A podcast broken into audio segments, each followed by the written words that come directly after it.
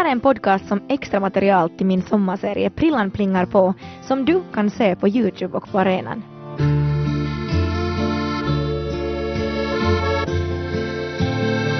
Nu ska du få en djupare inblick i fotbollsproffset Ellens vardag i Karleby.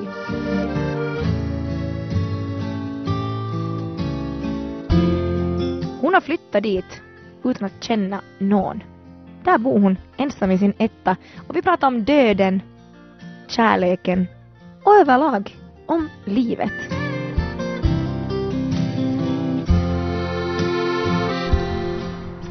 Har du någon gång podda eller lyssnat på poddar? Jo, det har jag. Lyssnat på podden. Senast i morse på väg på jobb. Okej. Vilken podd lyssnar du på? Mia Skäringers. Eh, jag har börjat lyssna på den. Den är skitbra. Eh, jag har inte lyssnat helt till slut. Nej. Eh, Du har att vänta. Ja, Jag jag har inte lyssnat det här senaste. Det som kom igår har jag inte lyssnat förut på. Jag har försökt flera gånger men sen har jag alltid liksom blivit avbruten på grund av någonting. Så jag har inte liksom helt kommit in i det. Men det var väl så att Mia Skäringer, hon kände, de kände inte varandra. Nej, de hade väl inte träffats överhuvudtaget. Ja. De hade bara setts någon gång men aldrig på det viset. Ja. Och nu har de en podd. Ja. En riktigt bra podd. Ja, vad är liksom tema? Ja. det är väl bara livet? Livet ja. För det, det handlar ju om precis allt. Allt från genus till sex till Mm. dagligt liv, vad som händer och ja, döden har de pratat ganska mycket om. Ah. Hur förhåller du dig till döden? Um, men som akutvårdare så måste man ändå kunna se en distans till döden på det viset. Men Mm. dödsångesten väcks väldigt snabbt om vi ska börja prata om min egen död. Eller på det viset. Men, men död, hur ska man säga då? Död överlag kanske inte på det viset. Mm, efter att man har arbetat ja, prehospitalt och på, på akuten kanske inte skrämmer en just där och då i sekunden på samma sätt mer. Har du sett döda människor? Det har jag flera gånger. Hur ser de ut? Först brukar de oftast blåna lite och sen sen beror det på dödsorsaken att, att väldigt har de legat döda en stund så ser man nog ganska snabbt att uh, insjunknader börjar komma till och, och blånaderna på, det här, vad kallas det? På de här nedre platserna. Ah. Och blodet, blodet förs ju ner mot marken så, Ah. så blånader och, och mm, typisk avsöndring av, av vätska. Öh, öh. Jag har aldrig sett döda människor. Jag har inte heller ännu varit med om att någon jättenära dör som tur så man skulle liksom måste, måste se död. Har du? Mm. Eh, inte på det viset. Jag kommer ihåg att min farmor dog eh, om jag ska dra till på något år så kanske det var 2004 men jag kan ha jättefel också. Mm. Någonting där omkring. Och jag var och hälsade på henne sista dagarna och vi visste ju att hon skulle gå bort i cancer. Usch. Och jag hälsade på henne och jag visste att det var sista gången jag skulle se henne. För Mm. sen skulle vi fara till södern. Och ja, Hur en resa blev det? Men det blev lite avhackat med tanke på att Ja. när vi väl stod på Arlanda och höll på att checka in så fick vi ett sms att Nej. farmor har nu flygit och farit. Eh, men resan blev ganska normal, att det blev lite sådär att man fick ta distans. Jag var ändå, ändå så pass ung. Mm. Mm. Så på det viset, så jag vet inte om det var ett plus eller minus att fara på resa just med att man tog en distans och sen insåg man kanske att hon var borta först när man kom hem. På samma Är, sätt. är det kanske bara bra att man hade någonting att göra? Mm, precis. Att det, ja, jag vet inte vilket som egentligen ska vara bättre. Att jag har också varit hemma när jag har fått liksom, dödsbud. Och i skolan. Så det är sånt att jag tror inte att det finns något perfekt ställe för att få ett dödsbud. Nej, Men- nej, nej herregud. Men eh, det kanske var en annan sak också när vi visste att hon skulle gå bort. Att hon var ändå så pass sjuk. Och hon sa ju till exempel att, att kom ihåg att alltid spela fotboll. Det var det sista hon sa när jag gick utanför dörren där på sjukhuset. Och sen satt jag mig i trapphuset och grät. Mm. Men att de orden kommer jag alltid att komma ihåg. Så, det var vackert. Så här i efterskott. Kanske inte vackert just i den stunden. Vi ska snart prata mer om fotbollen förstås. Det är därför jag är här också men vi börjar ju så smooth med döden. Ja. Ha- Hardcore direkt. Nej men jag tycker det är skönt att man, man behöver inte alltid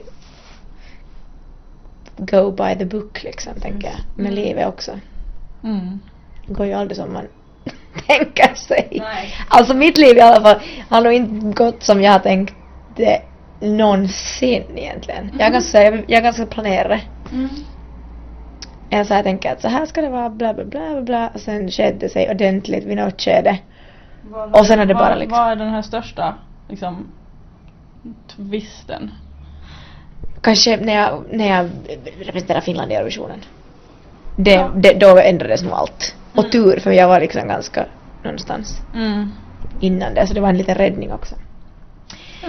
Men vi ska inte prata om mig. Eh, vi sitter på din balkong Mm. i Karleby. Eller egentligen, ja men visst är det din balkong? Eller känns det här som en, känns det här som ditt hem? En av alla hem. Ett, Ja. ett av alla hem. Ja. Vad menar du när du, har, när du säger att du har, vad sa du, du har elva, hur många hem sa du att du hade? Nej, det var en, en, en gissning bara på siffra. Ehm, Men var är ditt riktiga hem då? Så egentligen? ehm, det är svårt att säga. Okej. Um, att jag har väldigt, jag snappar väldigt upp, väldigt snabbt upp sådär att, att nu går vi hem. Fast vi är på, på, semester så går vi hem om vi går till hotellet. Ah, Eh, mm. att jag har ändå rest en hel del och flyttat lite här och var och, och på det viset så kanske det har blivit väldigt enkelt för mig att vara så här att nu är det här mitt hem för Mm. nu. Och sen får man bara gilla läge och sen, sen får man hitta ett nytt hem. Att från att hamna från Mariehamn till Helsingfors, där också bytt boende för att sen hamna hit upp. Till slut har man många hem. Så du har flyttat mycket, jag har också flyttat sjukt mycket. Men jag tänker ändå att någon gång, alltså nu det jag bor i så känns ju faktiskt som ett hem förstås. För det, jag vet det, det jag bor nu, allt har ju känts, när någon bostad hade det som inte kändes alls kiva. Så jag bodde inte så länge där heller. Men jag tänker så här att någon gång ska jag liksom settle down och verkligen bygga upp kanske en familj. Ja, man vet ju aldrig om man kan få barn. Men, men så här tänker jag, kanske, har- du sådana tankar också eller är du mer den som hela tiden bara åker runt? Rör på jag, dig. Jag har sagt jättelänge att jag ska ha ett egnahemshus. Så Ja. man blir ju ganska fast då. Och familj, jo absolut. Så fast kommer jag bli förr eller senare. Så det kanske är bra att njuta av frilanslivet just nu då. Men den dagen kommer då, när det är dags. Mm. Men berätta nu varför, hur hamnade du hit? Ellen? Mm. Tar vi hela storyn från Åland eller tar vi storyn från Helsingfors? Den som känns bäst. Till just den platsen vi sitter idag så var det för att vi spelade Vi hade två ehm, Från början kanske vi ska ta det Mm. med ehm, MPS i division 1 spelade jag förra säsongen, halva säsongen. Sen spelade jag med Åland United andra halvan. eh, under sommaren.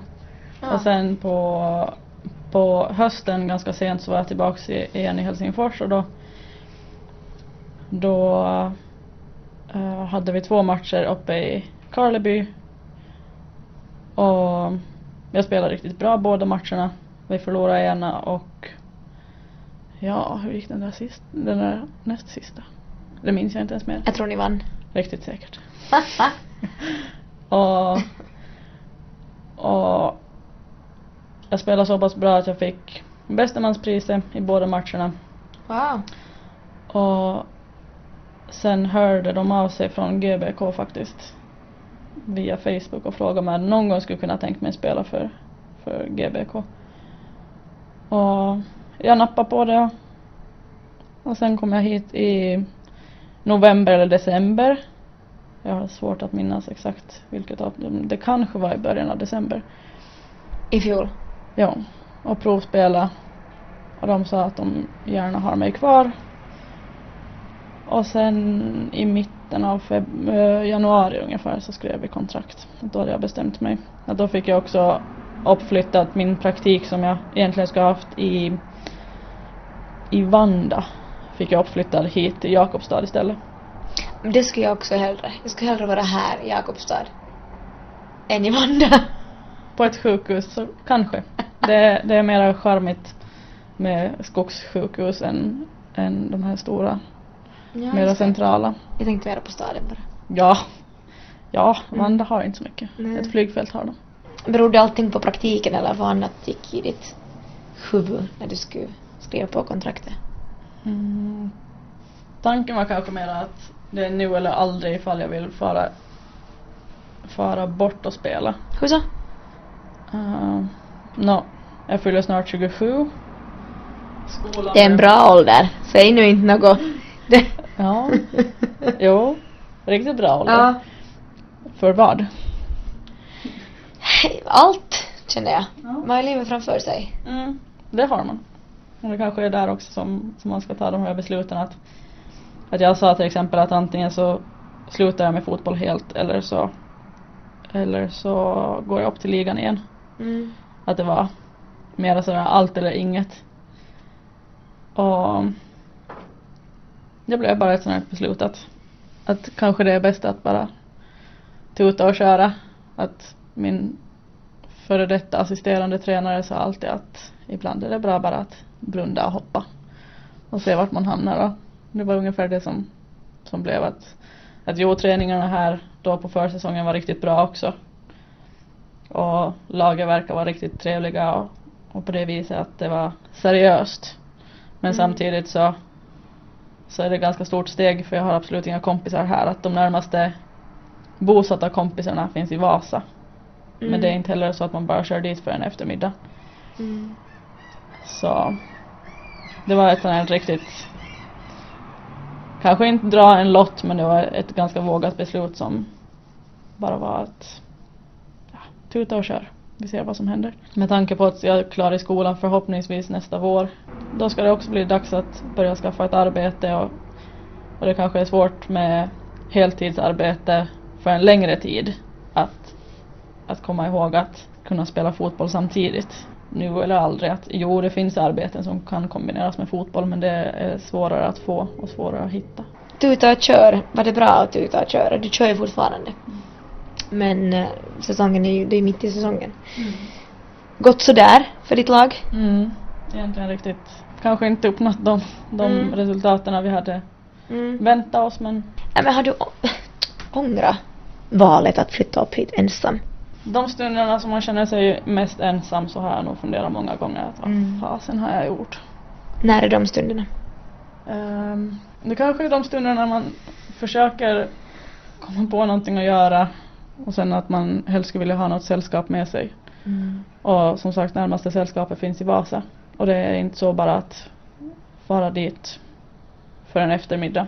Jo, man kan fara dit för en eftermiddag om man vill men det är inte på det viset lönt kanske. Beror på hur bra kompis det är. Absolut, absolut. Bensinpengar eller inte. På det viset kanske jag inte har ångrat det fotbollsmässigt. För jag, jag vet inte heller vilket alternativ jag skulle ha, ha haft Mm. om jag fortfarande skulle hålla kvar vid det där att allt eller inget. Att då kanske inte MPS i division 1 hade varit det bästa alternativet heller utan det kanske hade varit gå tillbaka till Åland United. De hade de har redan två målvakter där. Så jag tror inte att de på det viset skulle behöva ta in en tredje. Så då skulle man måste rymma ännu längre bort. Hur är det med språket där? Hur, hur jobbar du på finska? Mm, ja, till den mån jag kan. Mm. Att ålänning som man är så, så har man inte kanske finska i bagage på samma sätt. Men det är ju kämpigt. Jo, det, det är inte direkt det lättaste språket inte men, men jag har kanske kommit över den där klyftan att jag skiter fullständigt i om, om folk eh, om jag säger fel. För jag har märkt att folk bryr sig på riktigt inte. Om det nu inte är livshotande. Om det inte är livshotande men är det livshotande så kan man också ta en kollega till hjälp. Exakt. Om det är riktigt sånt att, att just på akuten i Jakobstad så är det nog någonting som är på finska och, och riktigt sån här rörig finska eller mera specifik så får man bara ta hjälp av kollega. Men annars har jag bra förståelse i finska Mm. överlag så, så bara vi får, får uträttat alla, alla de här frågorna så, så har vi nog den här historien riktigt bra. Ka- kallar du dig själv för fotbollsproffs? Jag menar, du får ju lön. Mm. Är det inte där gränsen går? Jo, kanske. Det är en bra fråga. Jag brukar inte kanske presentera mig som Ellen fotbollsproffs. Hallå? Precis. Ellen, fotbollsproffs. Just sådär. Här, hej. Ehm, utan man kanske bara säger att man spelar fotboll på högre nivå och sen Ja. får folk ta det som, som de tar det. Vad tråkigt. Jag skulle nog säga om jag skulle vara. Jag tror det. Mm. Jag har ju spelat på högsta nivå handboll men det finns inte så många nivåer. Det var så jag, så jag, skulle, jag kan inte kalla, ja, plus att man fick kilometerersättning. Wow. Det var så här 20 cent per kilometer. Eller vad var det? Ser du? Så jag, jag, jag skulle önska, om jag skulle vara handbollsproffs eller fått lön, så skulle jag nog vara stolt. Så du menar att jag ska börja presentera mig då, då som Nej, jag tycker att man ska inte på det sättet. Men eh, någon gång alltså. Det beror ju på Mm. situationen. Mm, jag hinner ju knappt träffa så jättemycket nya människor och de som känner mig vet ju redan om att jag spelar fotboll i så många år på högre nivå så, så de är lite sådär att Jaha, och var spelar du nu då? Mm. Att det är inte på det viset någon fråga om proffs eller inte mer utan det är mer att spelar du överhuvudtaget eller hänger du kvar i samma bana? Skulle någon nämna någonting så inte kanske jag skulle använda uttrycket fotbollsproffs, kanske fotbollsspelare. Det låter lite under... Tycker det låter drygt. Fotbollsproffs låter drygt. Det, men- låter, det låter som att man går runt med, med backslick och försöker... Du hade backslick när du spelade idag. Ja, Träna. jag hade uppe-tofs. Det var backslick också. Nej. Visst var det lite? Så Eller? det blir ju bakåt när man sätter det upp i tofs. Är det inte backslick det då? Nej. Aha. Backs... Enligt mig. Jag tänker på de här eh, såna här dryga människor, eh, riktiga såna här typiska 08 som, som har eh, hårgelé så det Vad är 08 stockholmare. Ah, förlåt jag, jag kan inte sånt. Såna här, alltså jag tänker på, på de här som använder halvliter hårgelé och, och, Stekare. Stekare. är det som det heter nu för tiden? Så har jag förstått. Okej. Nåja. Okej. Nej men alltså okej, visst om man säger fotbollsproffs så tänker jag ju på Zlatan. Men det finns ju andra proffs. fotbollsproffs. Är han inte? Vad är han då? Ja, skadad. Just nu ja. Förhoppningsvis för länge inte. Tycker du inte om Zlatan? Nej, okej vi, ska, vi ska inte prata om Zlatan. Nej. Riktigt skithög. Är det så? Ja. På vilket sätt? Kan du, kan, du, kan du förklara åt mig, du som vet? Som jag nämnde tidigare, en sån här kommentar med att är du tillräckligt professionell inom din egen sport så ska man inte komma med några kommentarer om överhuvudtaget skillnader på kvinnor och män eller, eller någonting sånt tycker jag utan man ska uppmuntra alla Mm. och inte stå där och spatsera med sin egen stolthet. Det var alltså, vi snackade tidigare om det här, var det damlandslaget i Sverige? Som inte hade fått, det var någon, nej det var någon herrlandslagsspelare som hade fått en bil för att han hade spelat x antal matcher i landslaget. Och så var det en kvinna som hade spelat mer och fick ingen bil och då hade Zlatan sagt att hon kan få en signerad cykel. Mm. Det är ju sjukt. Det är det. Det är ju sjukt. Att det, att det ens går, går hem eller sådär att, att man ens kan kan tänka tanken på det när man är ändå så pass stor stjärna som han nu säger sig vara så, så respekten sjönk väldigt långt ner där. Vad har du för förebilder? Eller har du någon förebild, Ellen? Men, så här, man kan ju ha olika inom, inom livet överlag eller inom yrket och sådär. Jag tänker fotbollen. Mm, Pia Sundhage. Mm. Tränaren. Ja, Mm. hon är en fruktansvärt fantastisk människa. Jag har varit på middag med henne Ah, ja. mm, en gång. Varför det? Hon vann på Åland något feministiskt pris. Jag vet inte riktigt vad, vad liksom den här själva titeln var. Men det var feminist, eh, någon förening på Åland som, som delade ut ett pris åt henne. Och i samband med att hon kom och hämtade priset så fick jag och, och en annan lagkamrat fara dit och, vara på den här middagen. Åh, Och det var så bra och så jag kommer ihåg hur trött jag var efter den där middagen. För att jag hade tagit in precis så jäkla mycket information. Och just så mycket historier som hon har att berätta. Om hur flickfotbollen egentligen föddes. Mhm. Då när den inte ens fanns med överhuvudtaget. Att, att hon spelade med, med pojkar och fick bli kallad för Pelle för att inte bli påkommen. På riktigt? Ja. Aha. Och det är sådana Shit. historier som man verkligen tar, tar till sig. Ja.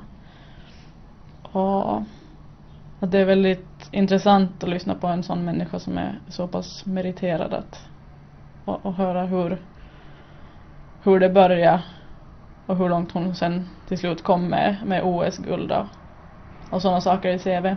Har du några drömmar inom fotbollen? Eller har du haft? Det kommer kanske mer eller mindre i skov. Eh, det var inte många veckor sedan jag satt här och tittade på de här Uefa målvaktstränarutbildningarna. Var då?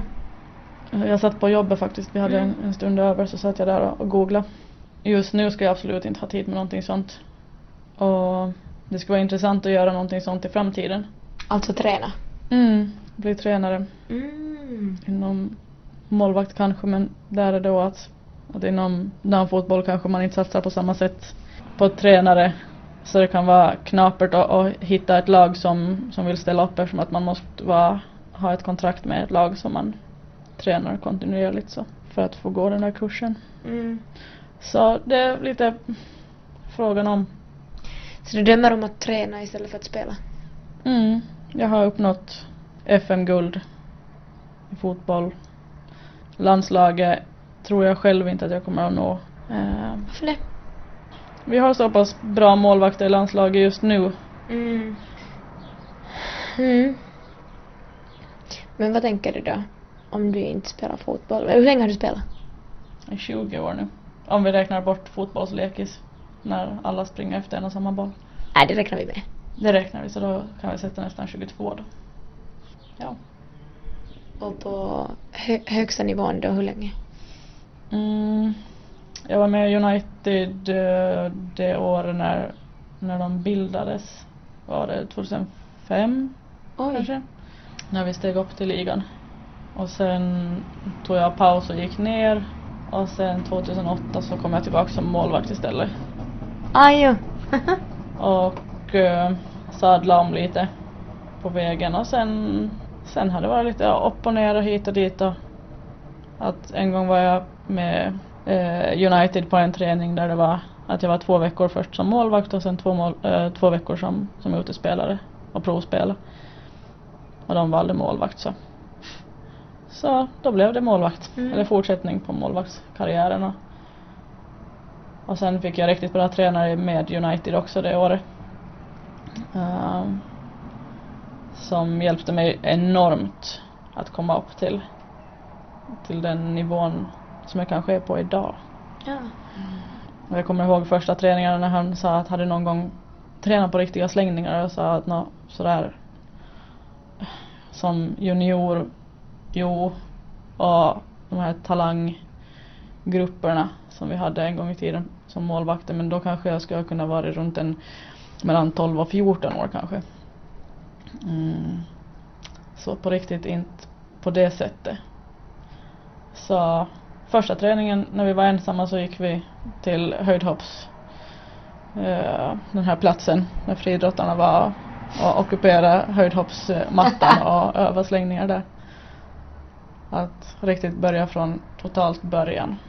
Att hur ska man egentligen landa för att inte ha totalt allting svart. Har du någonsin tackat honom? Inte sådär face to face tacka på det viset. Mm.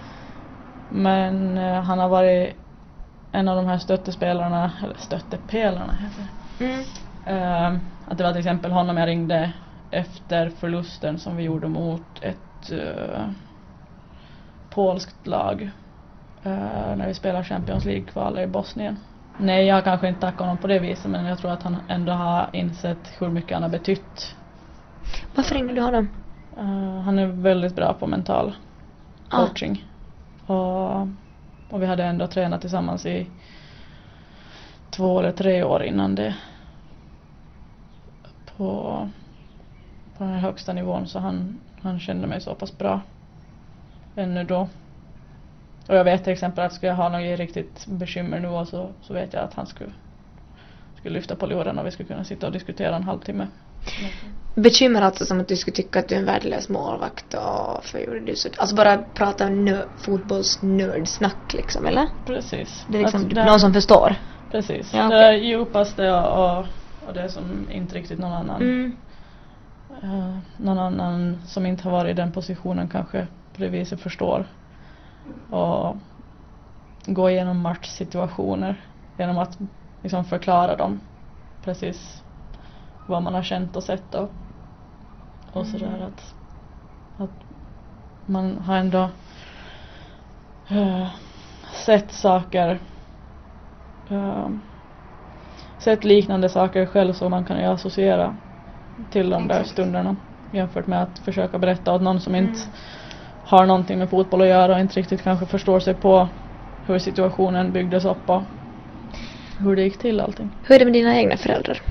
Ehm, de kan ju inte kolla alla matcher här nu när du bor här i Karleby. Men har de kollat tidigare alla matcher när du spelar på Åland? Jag antar att de bor där.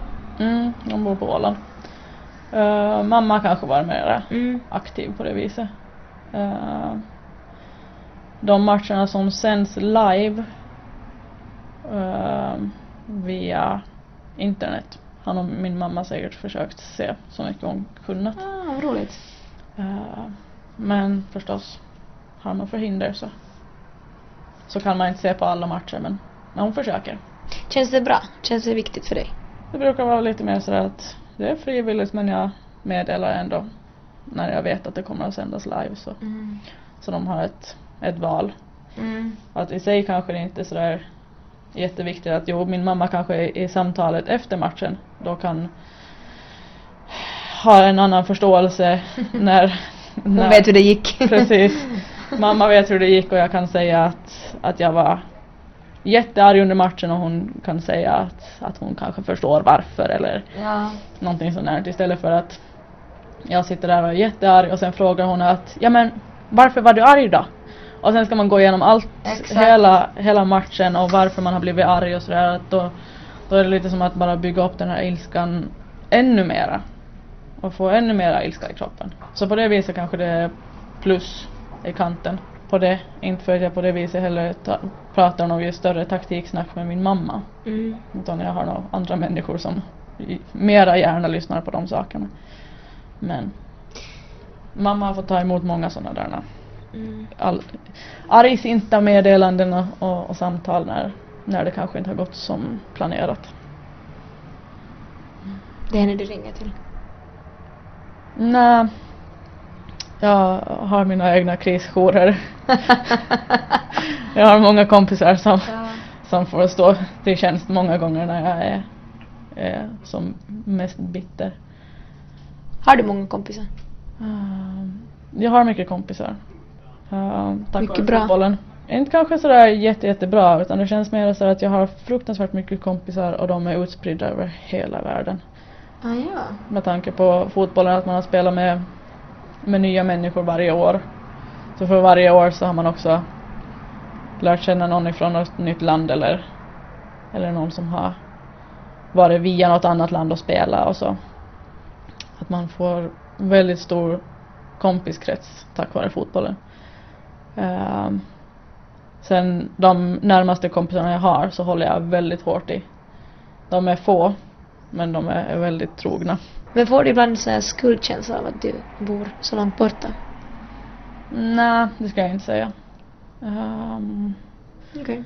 det är nog inte på det viset behov av det heller att jag har, har informerat alla kompisar sedan många år tillbaka att helger passar inte. Mm. Helger passar inte. Speciellt sommarhelger passar inte.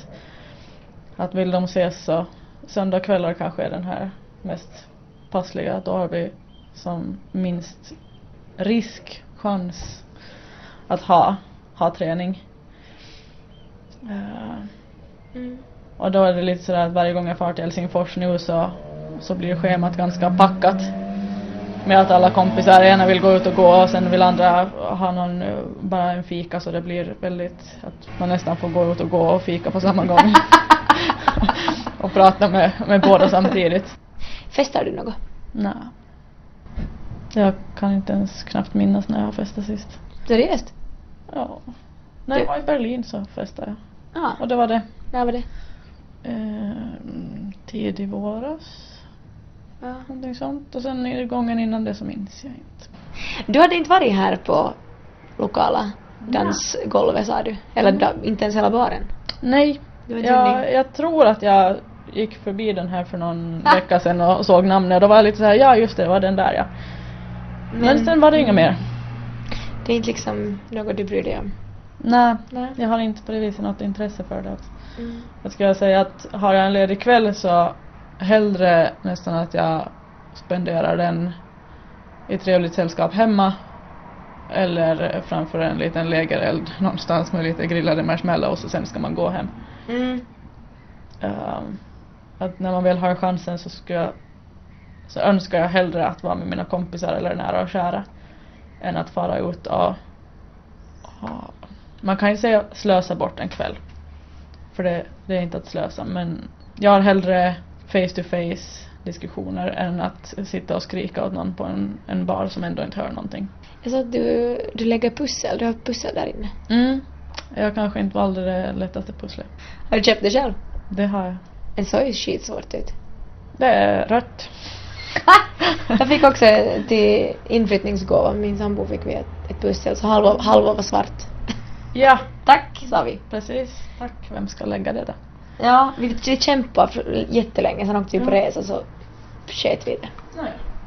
Naja. Men har du tålamod? Kommer du att fixa det här pusslet? För det är ju väldigt halvfärdigt. Just nu har jag inte tid att fixa det. Jag har haft väldigt lite tid nu senaste veckorna. Att arbetet har tagit mycket tid och, Mm. och nu reser jag bort över midsommar och veckan efter midsommar. Ehm, men sen borde jag börja arbeta lite mer eh, normalt igen på mitt 60 arbete och, och normala fotbollsträningar så då kanske man Mm. på det viset hinner lugna ner sig lite. Att nu har jag jobbat mera som 100% senaste veckorna plus fotboll och det har kanske inte riktigt varit det mest lägliga sen att sätta sig och, och pussla utan de få lediga stunderna har fått gå till annat. Jag själv kommer ihåg att jag har kopplat bort allting på träningarna då jag spelar. Men det kanske inte är så för dig. Det är också ditt jobb Mm. ehm, att gå på träning. Så hur kopplar du av? Mm. No, jo, träning är eh, som kanske ett sätt att, att eh, resetta hjärnan på det viset att man, man bara fokuserar på träning och ingenting annat. Men är jag riktigt trött och arg och bitter på livet för ett tag så då, ja, det absolut bästa kanske är att skicka mig ut i skogen med en, en eh, matsäck och så så var det var problemet löst om ett par timmar när man kommer hajkandes tillbaka. Och ensam du. Alltså, du berättade att du har sovit ensam i tält mitt i skogen. Mm. Så skönt. Inga måsten och ingen som, som prepplar och Är inte rädd att någon ska göra något illa? Nå, det var det som mamma också sa att hem med dig direkt och jag sa att nå, alligatorerna kanske inte så, så, så kvicka och snabba i det här landet. Att, vad har man att vara rädd för då? Det är inte, Människor? man kan faktiskt säga hej och presentera sig vackert också. Att jo, nu händer det nu händer det såna här kriminella saker men jag tror inte att en kriminell människa skulle börja leta först i, i skogen bredvid en lägereld om någon skulle vilja ha ett byte. Jag har bara så livlig fantasi så jag tror ju alltid att jag ska bli mördad till exempel. Nej i och för sig lägerelden är ju på färdigt och, och egentligen skulle det bara vara att stycka och sätta på. Men nej. Nej. De, de letar inte där. Då skulle jag nästan på gränsen till säga att då skulle vara ännu farligare att, att fara på mitt arbete. Där det är mera människor och mera människor som påverkas av både känslor och, och annat. Förresten, din epilepsi som du haft, Mm. det har ju du ju inte mera. No. Men eh, har den påverkat fotbollen? Mm, inte direkt. Nej. Ehm, det fanns en tanke en gång att, att ska en, kan en målvakt riktigt ha epilepsi med tanke på att ändå man kan få en boll i huvudet och det kan också trigga igång ett krampanfall. Mm. Ehm, men nej, fotbollen hade inte påverkat. Fotbollen kanske mer har varit räddningen från att komma bort då när jag insjukna. Insjukna, jag vet inte om man kan kalla det för insjukna.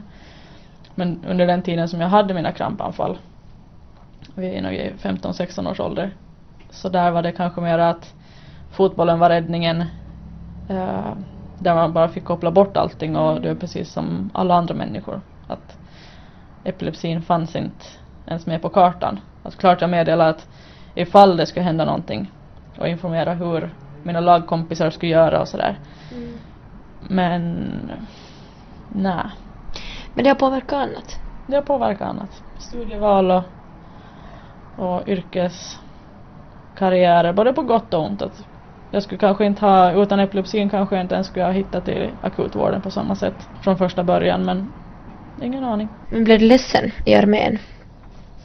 När du inte fick göra det du ville på grund av epilepsin? Mm. Jag var väldigt arg då när de ännu bekräftade att, Ja. att jag skulle ha B-papper. Att där var det också att, att det var ganska många faktorer som, som ställde till det med att kärleken tog slut när jag var inne i armén och, Ah. och, och sen att få B-papper och, och när de säger att nej, men du kan ju bli, bli fältvårdare eller vad man ska kalla det för Mm. vårdare inom ar- armén och då var det lite att om man är utbildad närvårdare och har gått två år redan till akutvårdare så tror jag inte att man ännu en gång vill höra samma historia på nytt. Du slutade efter, var det 44 dagar? Mm. Mm. Precis innan fan är den så. Mm. Vart åkte du då? Ehm. ja. Nu ska vi tänka. Får till Åland direkt? Mm. Eller får till Helsingfors? Att jag hade ju redan, jag hade ju fortfarande studieplatsen och, och studiebostaden kvar i Helsingfors men Akutvården? ja. Ja. Nej? Ja. Jaha. När var det här du, när var det som du var i armén då? Mm, två år sedan. Ah, så sent? Ja, det var riktigt Aha. sent. Annars hade jag inte fått, jag fick nej redan 2008 när jag sökte in. Just det. Och sen ändrades det till B. Från, Mm. från icke godkänd överhuvudtaget till, till B-papper. Och sen får jag dit för att försöka få det till A-papper men nej. Men vad gör du när du... Eller hur tacklar du motgångar? Mm, jag tänker jättemycket Ja. och funderar. Själv? Mm. Och där är igen närmast det sörjande. Jag har fått lyssna på mig jättemånga gånger och vissa gånger kan jag ringa flera gånger på under en och samma vecka med nästan samma bekymmer och säga att, att ska man riktigt tänka så här eller, Mm. eller finns det annat sätt att tänka? Men det är bra att du inte... Att du blandar in andra alltså.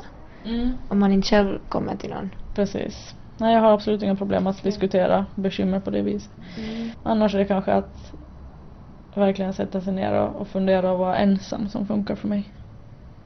Att mycket ensamtid och, och fundera vilket som är, är bra och dåligt och, och vända och vrida på tankarna. Att jag ser saker på ett väldigt, jag, enligt mig då, eh, realistiskt sätt och blandar inte med någonting extra runt om utan, utan arbetar med det jag har eller det jag kommer att ha och sen får det bli vad det blir. Du är 27, du fyller 27. När Mm. fyller du? 2 augusti. Så det är snart. Du är också ett sommarbarn. Yay. Ja. Men eh, har du haft mycket motgångar då i livet? Har du hunnit ha det? Eh, Jag hade en period i, i högstadieåldern när jag kanske mådde sämre. Okej. På Åland. Ja, Mm. och det blev en riktig ordentlig motgång sådär att, att måste byta skola till nian och, Oj nej. och runt om på det viset att Åland är litet och ryktena går och Ja. att det är som vanligt på mindre orter. Mm. Ehm, att där fick man redan tacklas med de här, nå, kanske bland det värsta som finns i världen till en viss mån Mm. med just depressioner och sånt Usch. som är väldigt typiskt för många ungdomar. Mm. Blev det bättre sen då? Den tiden kom vi också igenom. Ja. Ja. Blev det bättre sen då? Absolut. När du böt? Jo, att jag kom närmare de här riktiga kompisarna kanske. Mm. Då i, i nian och sen, sen kom ju epilepsin i det skedet också. Just därefter att, att lite sån här smäll på käften och, och ett förhållande som kanske inte var det bästa. Det var lite sådär att en dag var det bara att bestämma sig att nu kan vi inte leva på det här viset. Och ta tag i saker på riktigt då och bestämma att åt vilket håll ska vi gå. Och verkligen satsa hundra på det. Det hjälpte inte för min del att sitta hemma och, och göra någonting utan jag kanske måste börja ta tag i saker och komma fram till, till framtiden på egen hand. Än att bara vänta på att den ska komma till, Mm. till mig på det viset. Allt här i livet ska inte vara så enkelt att ibland får man göra lite mer för att få tiden att gå helt enkelt istället för att bara vänta. Kom du på det där själv eller fick du hjälp från någon proffs? Mm, mycket fick man nog Mm. fixa på egen hand. Bra sagt. Mm. Att det, Trodde du då att din framtid skulle se ut så här? nej, inte alls. Inte skulle jag ha trott att jag skulle hamna här i, i Karleby för, för tre år sedan. Nej. Vad men häftigt. ja, Att det bara kan det bara ändras. svänga. Att det är som sagt blunda och hoppa. ja. Får man se vad som händer. Du verkar vara jättemodig. Ja.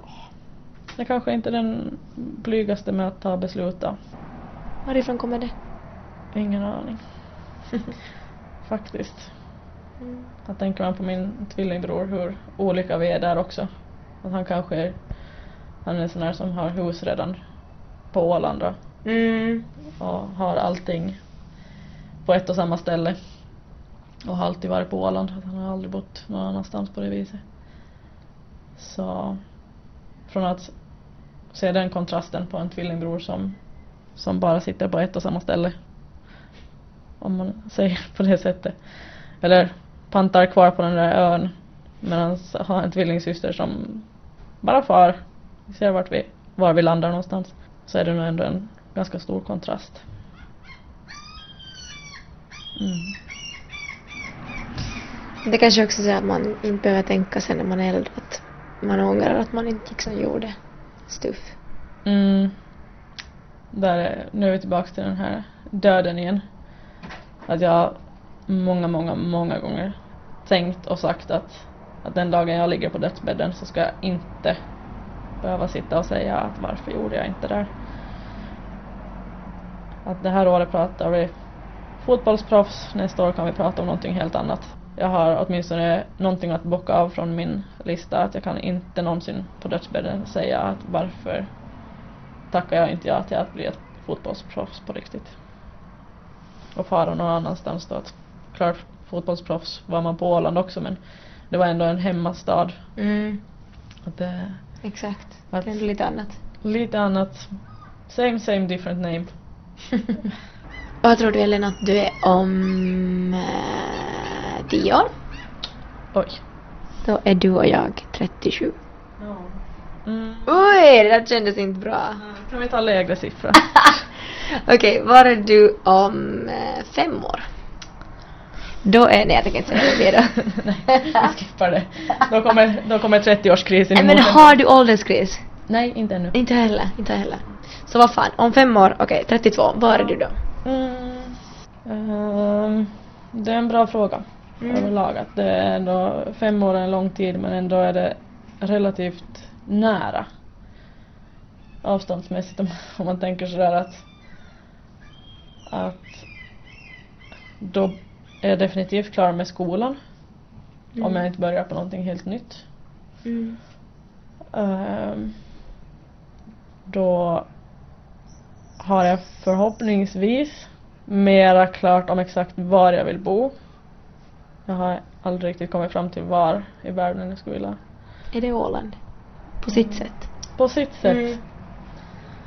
Jag har heller ingen aning. Någonting, någonting vill jag ha kvar på Åland. Om det så är en sommarstuga så får det bli en sommarstuga men, men Åland är charmigt nog för att hålla mitt intresse kvar.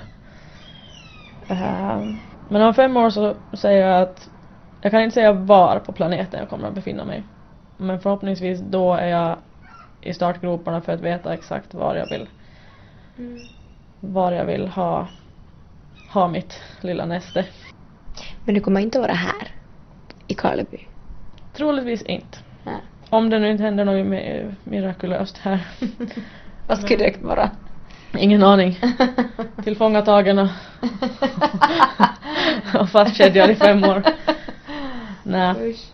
Eh, jag tror inte att jag kommer att vara här om fem Nej. år. Det tror jag inte.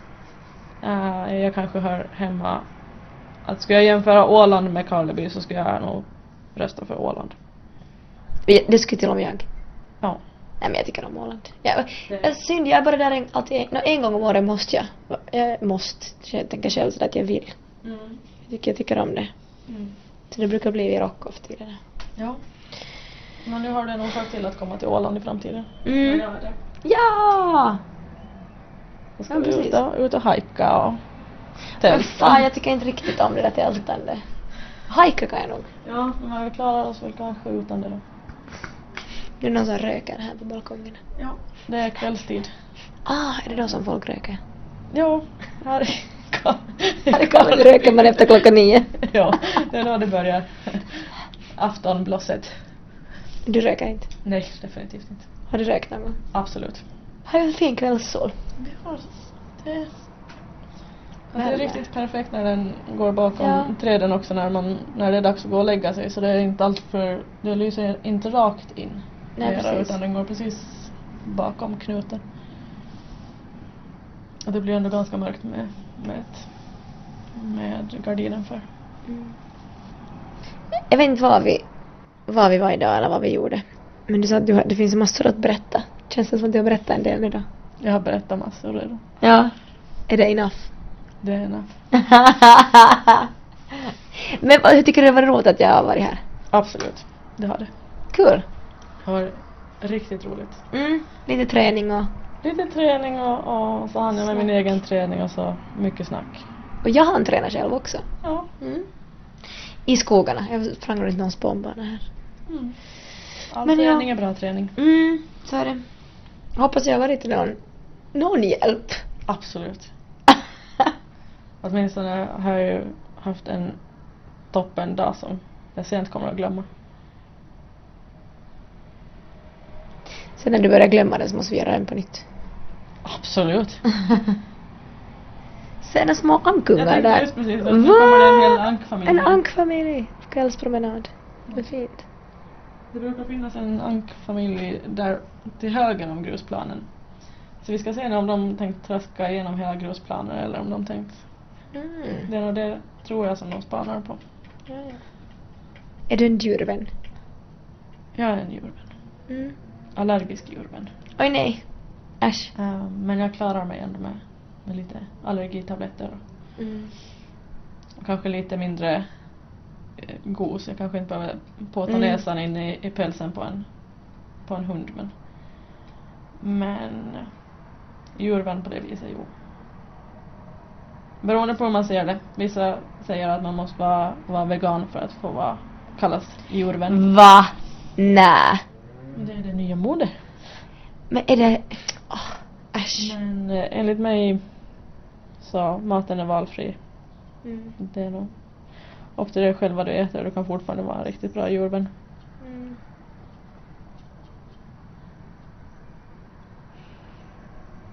Mm. Det var hemskt. Jag trodde, jag trodde att jag var en djurvän. Mm. Äter du kött? Jag äter kött. Mm. Ganska mycket kött. Jag har nog minskat på det. Ja men det har jag också.